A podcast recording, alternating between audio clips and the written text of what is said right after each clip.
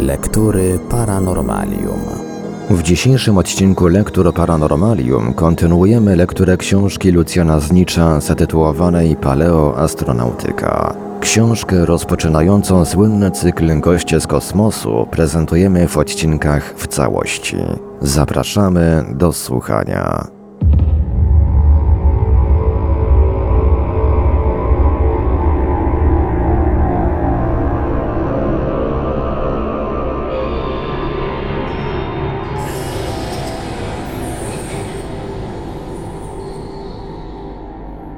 Mozaika wywiadowców prehistorii. Północna Afryka, Ameryka Południowa, Południowo-Wschodnia Azja, niektóre wyspy Polinezji, wybrzeża Australii. Wciąż tylko poszczególne fragmenty globu ziemskiego. Jeżeli nawet jedna czy druga taka wyprawa się uda, czy to potrafi w istotny sposób zmienić całą naszą, tak już dzisiaj ugruntowaną wiedzę o zupełnie odrębnym i niezależnym rozwoju poszczególnych kultur na różnych kontynentach, lądach, wyspach? Ale gdy zgodnie z zasadami służby wywiadowczej wszystkie oderwane doświadczenia, wykopaliska, legendy, podania, zagadkowe formy, rysunki, obyczaje ułożymy w formie w miarę uzupełniającej się mozaiki, ukaże się nam nagle jakże inny obraz tego zapomnianego już, a może w ogóle niestanego starożytnego świata. A jest co w tej mozaice układać. Oto chociażby znane nam wszystkim ze Starego Testamentu podanie o raju. Kopię jego i to wierną nawet do takich szczegółów jak drzewo wiadomości dobrego i złego i rosnących na nim owoców poznania znajdujemy w świętej księdze Indian Kicze, naród Maja, albo legenda o wieży Babel. Potem, gdy po potopie ocalało niewiele ludzi i potem, gdy zdążyli oni ponownie się rozmnożyć, zbudowali oni wysoką wieżę. Nagle im się jednak pomieszały języki, nie potrafili się wzajemnie zrozumieć i rozeszli się, aby żyć w różnych częściach ziemi. Myślicie, że ten cytat jest ze Starego Testamentu? Nic podobnego. To autentyczny fragment jednej z popularnych legend tolteckich. Nasz Babel zresztą pochodzi od słów hebrajskich Babel, co oznacza wrota Boga. Dokładnie tak właśnie wrotami Boga nazywana jest ta legendarna wieża także w podaniach amerykańskich. Również zaskakujące są zbieżności legend o potopie w Nowym Świecie, aż do takich szczegółów, że na przykład woda zalała pola na wysokość 15 łokci. Mieszkańcy współczesnego Meksyku, Aztekowie, mieli nawet własnego Noego, nazywał się on Nat.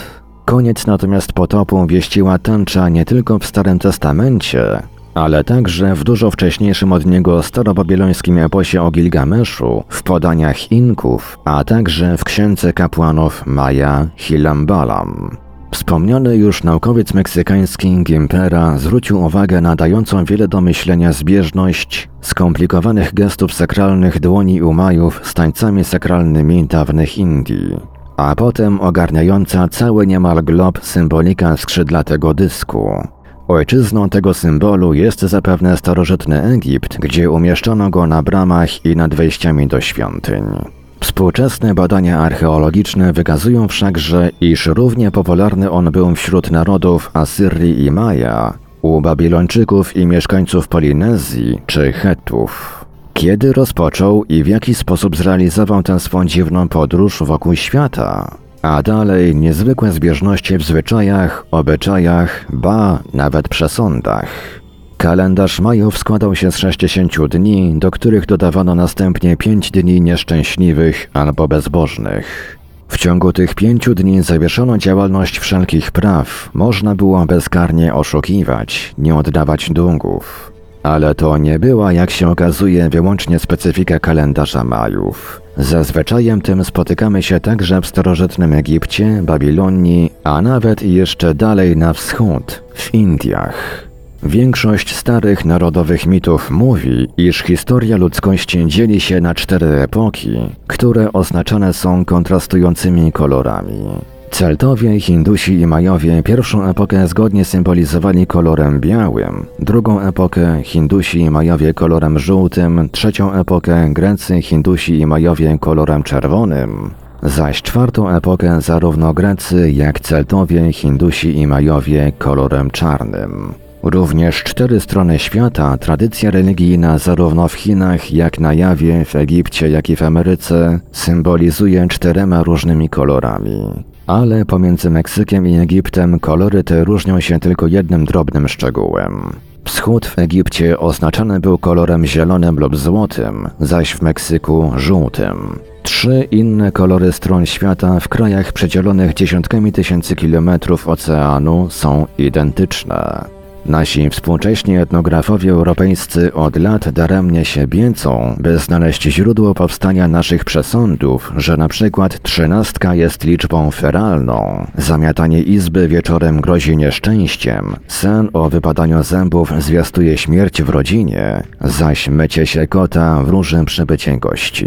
Pocieszmy ich. Źródeł dokładnie tych samych przesądów równie daremnie poszukują także badacze kultury Majów.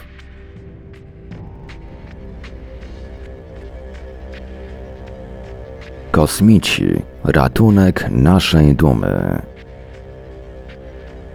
Badania tysięcy etnografów, wykopaliska setek archeologów, wreszcie odważne doświadczenia dziesiątków żeglarzy wskazują na możliwość sporadycznych kontaktów na przestrzeni tysięcy minionych lat między poszczególnymi kontynentami i najbardziej nawet odosobnionymi wyspami naszego globu. Najbardziej chyba ludzką cechą człowieka jest jego niespożyta ciekawość, a w zaspokojeniu jej nieoczekiwanie pomogły mu chyba niespodziewane burze, gwałtowne wiatry czy morskie prądy. Ale nie bójmy się radykalnych wniosków. Tak wielkie zbieżności różnic niezmiernie odległych kultur rzadkie sporadyczne kontakty wyjaśnić nie potrafią. Czy możemy sobie w ogóle wyobrazić, by po przypadkowym wyrzuceniu na obcy ląd rozbitkowie wycinali tysiące rysunków i napisów na skałach? Zostawiali swe piśmiennictwo, które wśród zdegenerowanych epigonów przetrwało setki, a może nawet tysiące lat, Przekazywali im swój język, sposoby budownictwa, kulturę, religię, ba, nawet obyczaje i przesądy. Nie bójmy się nie tylko radykalnych wniosków, ale i przyznania się do własnej niewiedzy. To nie mogły być kontakty sporadyczne. Wszystko wskazuje raczej na to, że były to związki długotrwałe i permanentne. Może rzeczywiście istniała kiedyś jakaś Atlantyda promieniująca swą cywilizacją na cały świat. A może kilka ośrodków cywilizacyjnych ściśle współdziałało i wpływało na siebie, zanim jakaś kosmiczna katastrofa nie starła tej nieznanej cywilizacji z powierzchni naszego globu tak gruntownie, że dziś po wielu trudach znajdujemy tylko nikłe resztki jej śladów. W każdym razie coraz bardziej wydaje się prawdopodobne, że wszystkie nasze z takim samozaparciem przedsiębrane i z taką dumą kończone wyprawy geograficzne ponownie odkrywały tylko to, co już tysiąclecia przedtem było znane poprzedzającym naszą cywilizacją. I nie tylko wyprawy geograficzne. Całych dziesiątków odkryć w dziedzinie matematyki, inżynierii, astronomii, medycyny, Tysiące lat po wygaśnięciu tamtych cywilizacji musieliśmy dokonać powtórnie. A ile jeszcze tajemnic starożytnych pozostało do dziś dla nas nieodkrytych? Czy można się więc dziwić entuzjastom cywilizacji pozaziemskich, że w tych warunkach podejrzewają jakiś wysiew, powtórzę za Deinikenem, wyżej rozwiniętej nawet od naszej dzisiejszej cywilizacji kosmicznej na Ziemi? To nic, że to, co dotychczas odkryliśmy, nie znamionuje żadnej wiedzy kosmicznej. Ale jakże hipoteza tego rodzaju podnosi naszą ludzką dumę? Nie jesteśmy już epigonami, którzy po tysiącach lat mozolnego rozwoju dochodzą ponownie do poziomu naszych przodków. My docieramy wprawdzie do obcej, ale już całkowicie usprawiedliwienie wysoko stojącej, nawet wobec naszej dzisiejszej kultury kosmitów.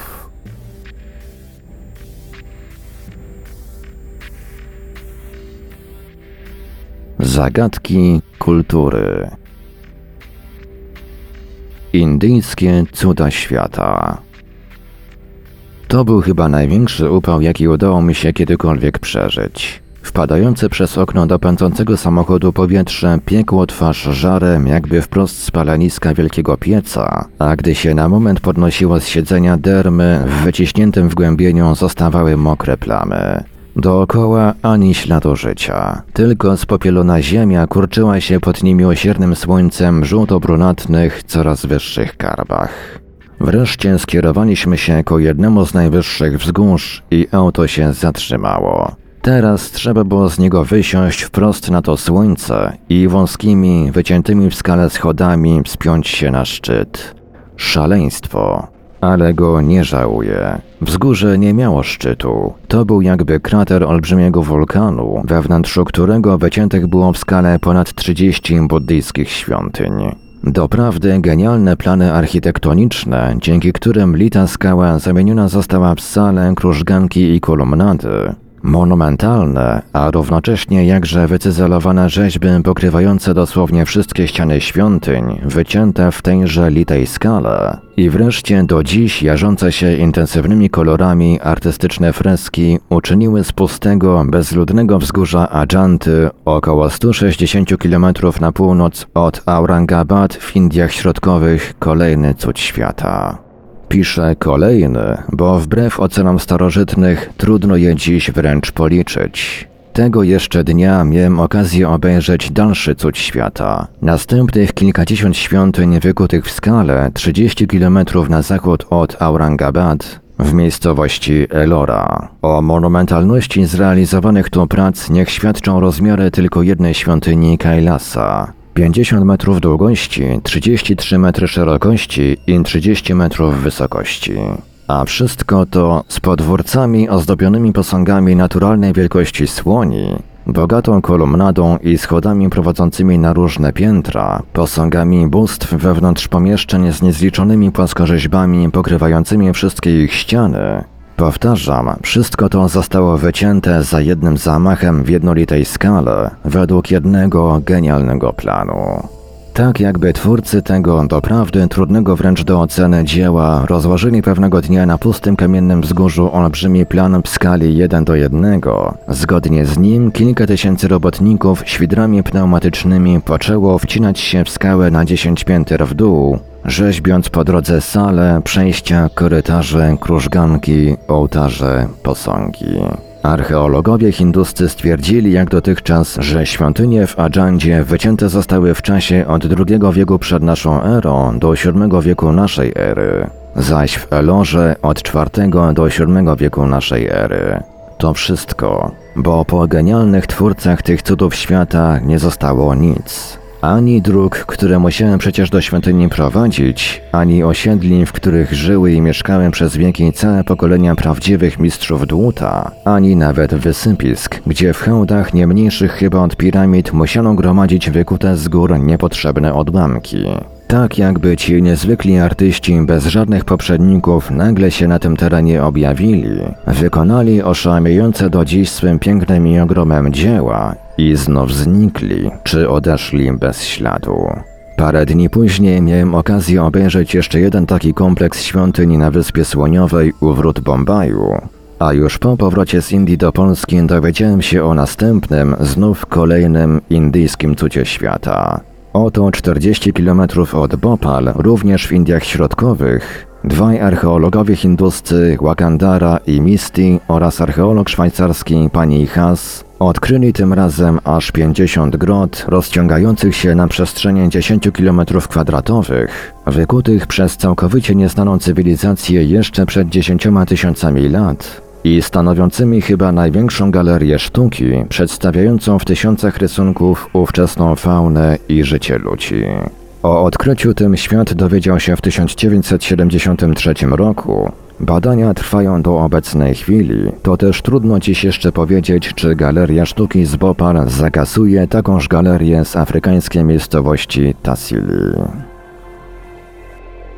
Marsjanin czy Muflon?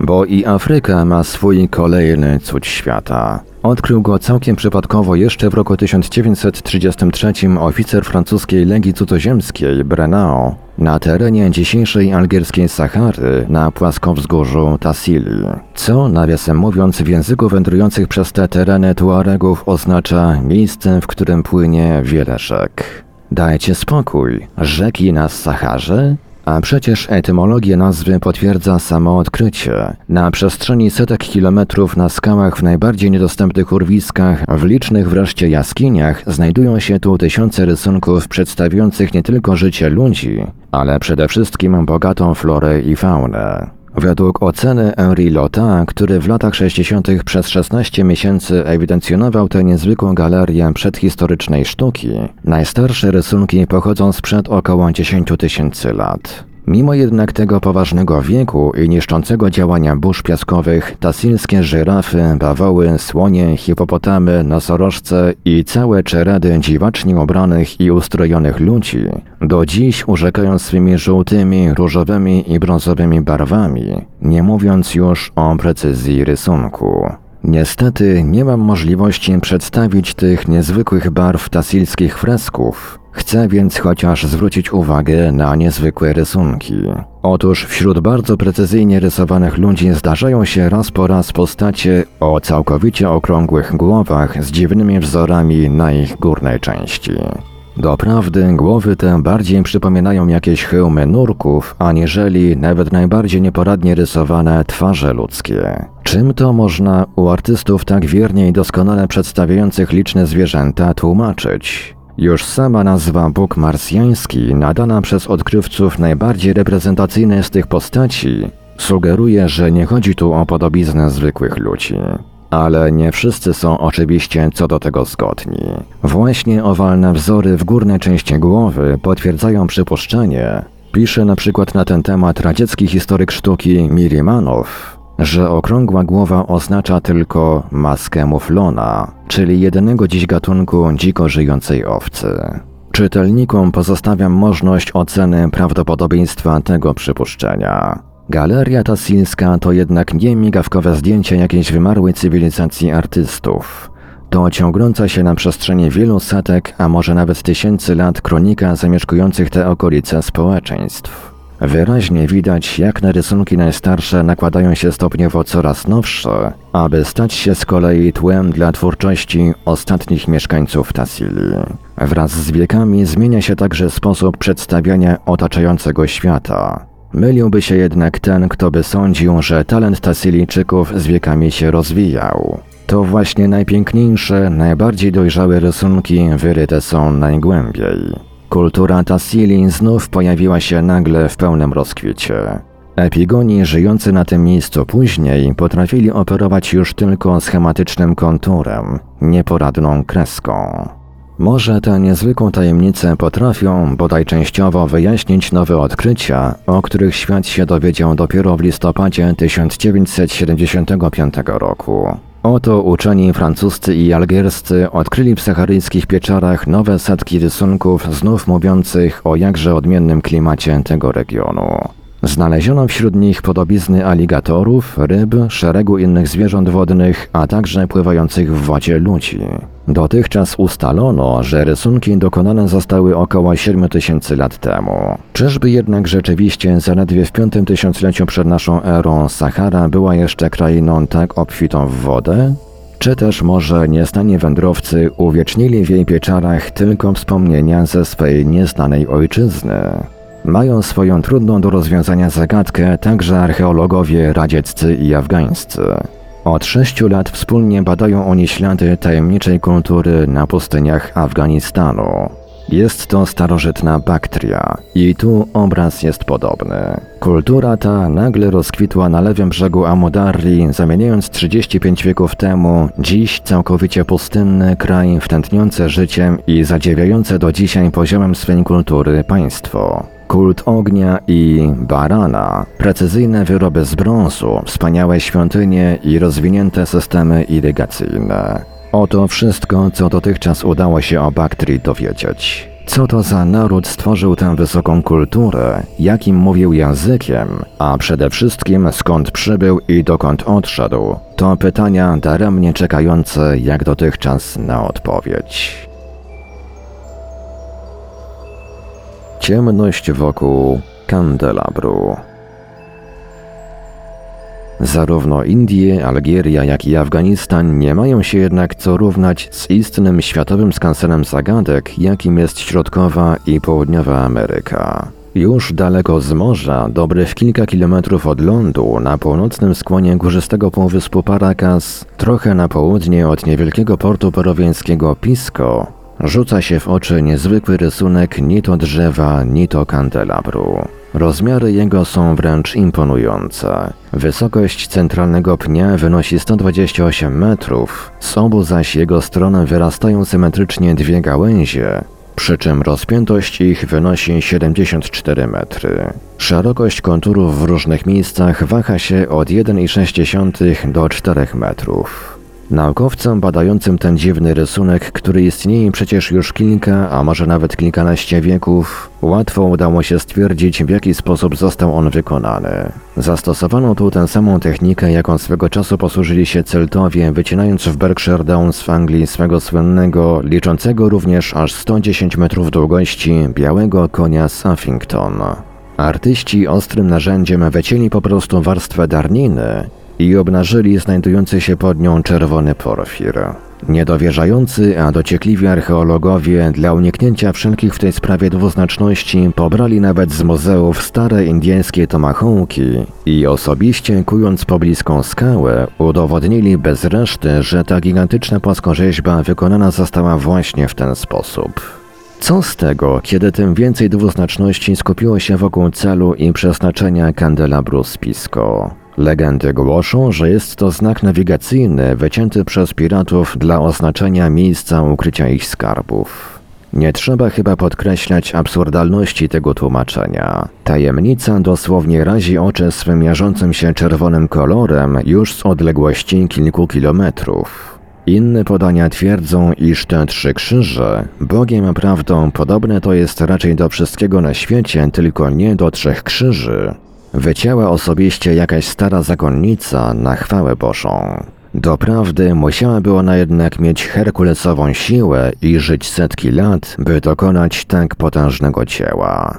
Szereg archeologów zakłada wreszcie, że jest to znane również w Starym Świecie symboliczne drzewo życia lub drzewo poznania, znane skądinąd i nam ze Starego Testamentu. Cóż z tego, kiedy wystarczy raz spojrzeć na ten oryginalny rysunek, by stwierdzić, że jest on równie odległy od podobizny drzewa, co i od trzech krzyży. Czymże więc w końcu jest ten tajemniczy kandelabr spisko od setek, a może tysięcy lat, wskazujący wszystkim żeglarzom u wybrzeży Peru swymi trzema gałęziami na leżącą za nim pustynię Nazca?